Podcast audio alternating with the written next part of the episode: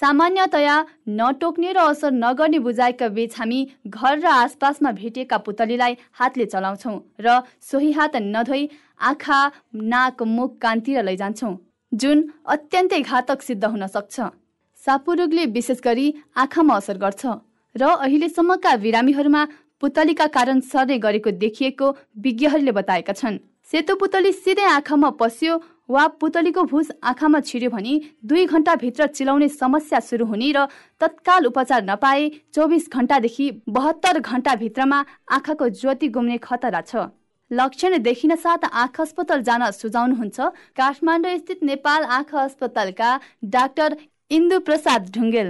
बेलुकातिर चाहिँ आँगनमा घरतिर चाहिँ बत्ती अलिकति गर्ने नबाल्ने अनि झ्यालडोका बन्द गर्ने बेलुका चाहिँ सकेसम्म झुल हालेर सुत्ने बत्ती निभाएर सुत्ने यसो गर्यो भनेदेखि पुतलीसँग कन्ट्याक्ट संसर्ग कम हुने भएकोले यसबाट बच्न सकिन्छ भन्ने छ। अर्को चाहिँ एकचोटि आँखा रातो भयो आँखा आँसु आयो बच्चाको भनेदेखि एकदम अवेर नगरिकन नजिकैको आँखा केन्द्र अस्पतालमा गएर सम्पर्क गरिहाल्नुपर्छ।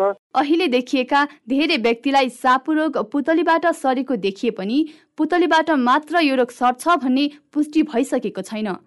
तर भदौदेखि मङ्सिर महिनासम्म पुतलीको प्रजनन सुरु हुने भएकाले यो समयमा सापुका बिरामी धेरै देखिने गर्दछ। सापुले आँखाको भित्री भागमा असर गर्ने गर्छ। आँखाको भित्री भाग सुनिने र पिप जम्नेसम्मको खतरा रहेको चिकित्सक बताउँछन्। फेरि डाक्टर ढुङ्गेल। आँखा रातो हुने कारण अरू पनि हुन्छ। आँखाको इन्फेक्सन अरू कारणले पनि हुन्छ। अरू कारणबाट हुने इन्फेक्सनमा चाहिँ समयमा उपस्थित उपचार पायो भने चाहिँ एकदम राम्रो ठिक भएर जान्छ निको हुन्छ। यसमा चाहिँ समयमा उपचार पाएन। एक दुई दिन लेट गरिदियो भने चाहिँ यसको चाहिँ जुन इन्फेक्सन हो त्यसले चाहिँ आँखाको पनि खतम र आँखाको पनि हेर्दाखेरि एकदम नराम्रो सापुबाट विशेष गरी बालबालिका प्रभावित भएको पाइएको छ।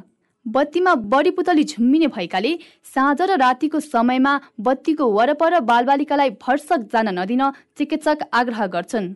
राम्रो देखेर हातमा राखेर खेलाउने सेतो पुतली असावधानीले त्यही आँखाको ज्योति छिन्ने घातक किरा पनि बन्न सक्छ। बेलैमा सचेत बनौ र बालबालिकालाई पनि सचेत गराउँ रेडियो क्यान्डिडका लागि निमु शेर्पा।